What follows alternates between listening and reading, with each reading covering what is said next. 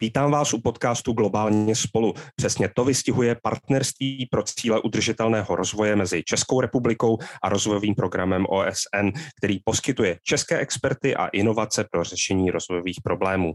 V podcastu si postupně představujeme šikovné české podnikatele, experty či výzkumníky, kteří pohnuli problémy v nejrůznějších zemích po celém světě. A dnes si povídáme se Soňou Zacharovou z firmy Egozlín. Vítejte v našem podcastu. Dobrý den. Firma Egozlín se zabývá eh, biologickou ochranou, především pro urgentní medicínu a dlouhodobou péči.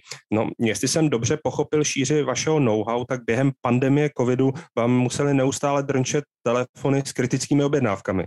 Přesně tak a my jsme s projektem pro UNDP začali eh, v roce 2019 a to jsme netušili, eh, co nás, co nás čeká.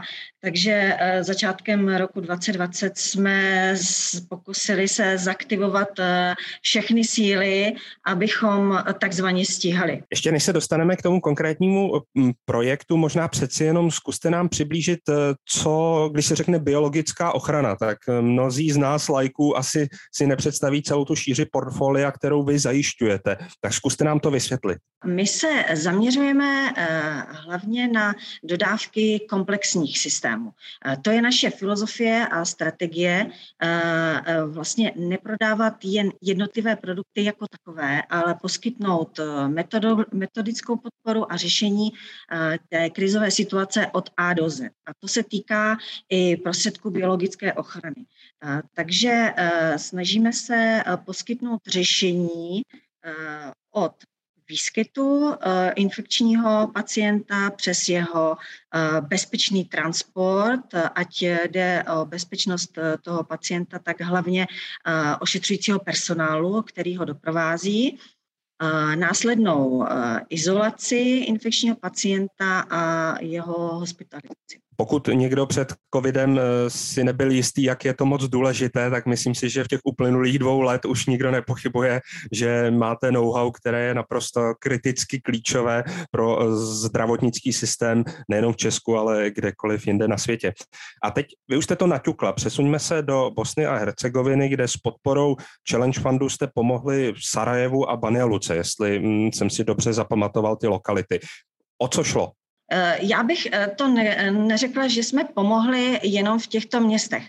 Eh, cílem našeho projektu bylo vlastně zpracovat studii proveditelnosti a předat know-how, které by poskytlo komplexní řešení eh, právě pro výskyt, bezpečný transport, izolaci a hospitalizaci pacientů s vysoce nebezpečnou nákazou. Eh, vlastně v roce 2019 ještě nehovořilo o covidu. Pania Luka a Sarajevo, eh, infekční nemocnice konkrétně zde vlastně mohli využít uh, pilotní jednotku, kterou jsme dodávali v rámci programu. A jde vlastně o vybavení, které běžně v České a Slovenské republice uh, používají uh, takzvané biohazard jednotky. To jsou ty specializované týmy zdravotnických záchranných služeb, které jsou vybavené a vycvičené pro transport pacientů s vysoce nebezpečnou nákazou a používal se to i v rámci eh, covidu.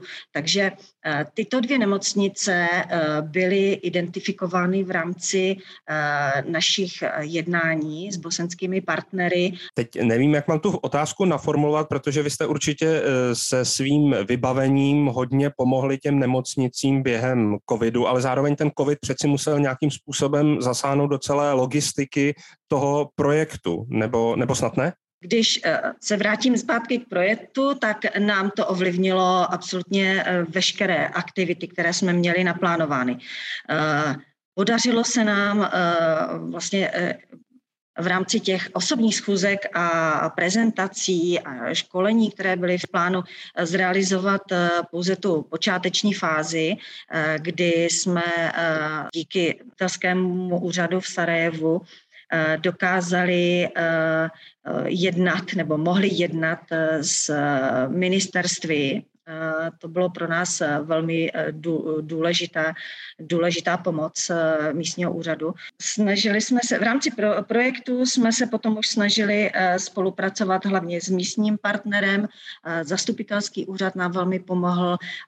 Velmi důležitým pojítkem byl místní úřad i UNDP. Když se vrátím k fungování firmy a té logistice, Eh, tak eh, bylo to těžké, ale dá se říct, eh, že, že to šlo. Největší brzdou, když to tak řeknu, bylo to, že jsme nedokázali uspokojit v online v reálném čase úplně všechny, protože ta poptávka byla obrovská. To se musím zeptat, protože zdravotnictví je vlastně v každém státě přísně regulovaný obor. Eh, tady se ještě bavíme na evropské poměry o ne zcela stabilním státě. Tak jak vlastně toto šlo? Neutopili jste se někdy v nejrůznějších razítkách nebo povoleních? Nebo zas na druhou stranu eh, jste dlouholetá zavedená firma a už asi vás něco takového nepřekvapí? Nedá se říct, že nás nepřekvapilo.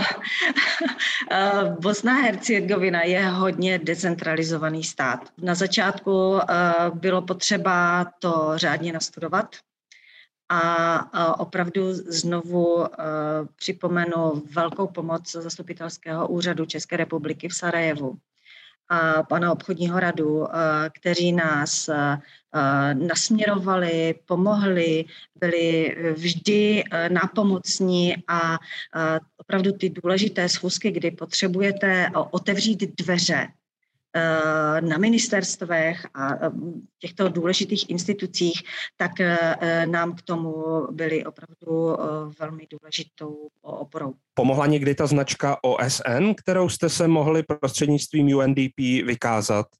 Rozhodně to bylo, to bylo další, další klíč eh, k otevírání dveří právě u těchto státních institucí. Jak se vám vlastně spolupracovalo s místními lékaři nebo s místním eh, managementem nemocnic, protože bez eh, této schody se určitě mm, celý ten projekt nemohl dobře vydařit?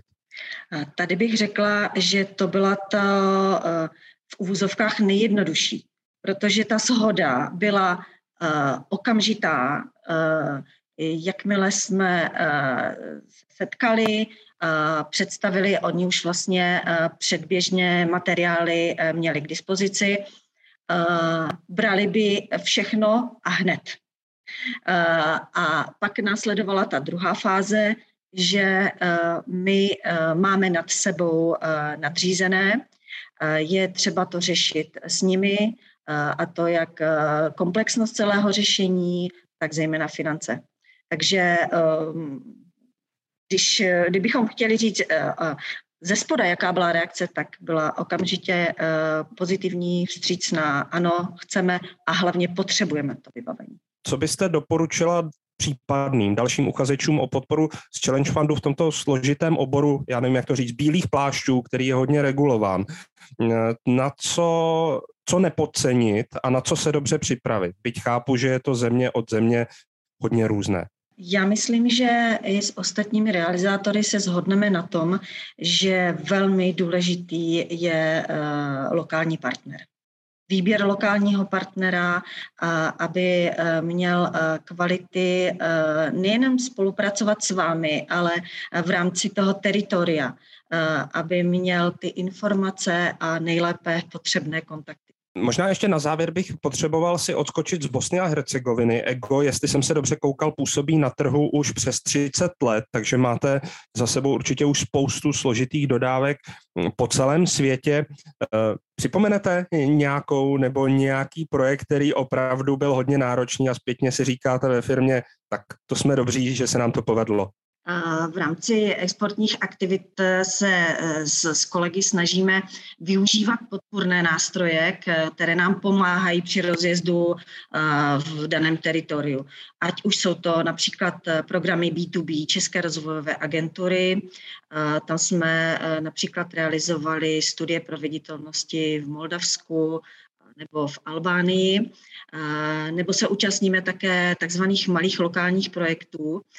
Ty jsou v gesci Ministerstva zahraničních věcí, v rámci kterých vlastně dodáváme vybavení a technologie menšího rozsahu.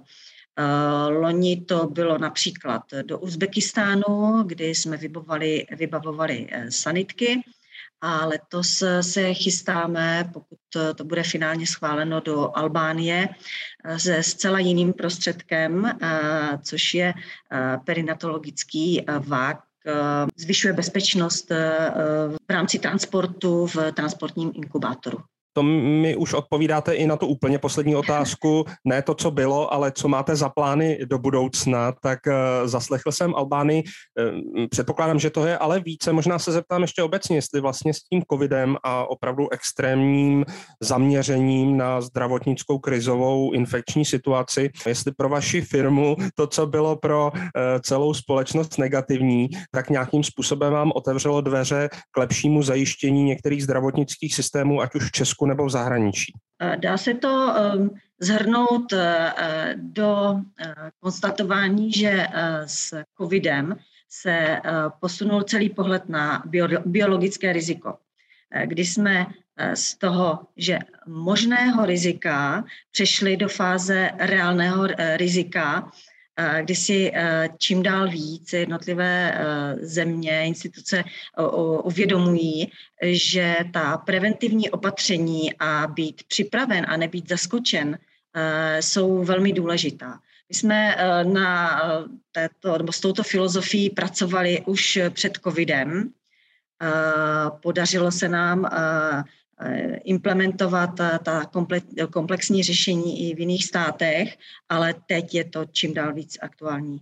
Tak já přeju hodně pevných nervů do dalších projektů. Určitě budete potřebovat, protože jsou to opravdu eh, náročné krizové situace. No a my jsme na konci podcastu Globálně spolu.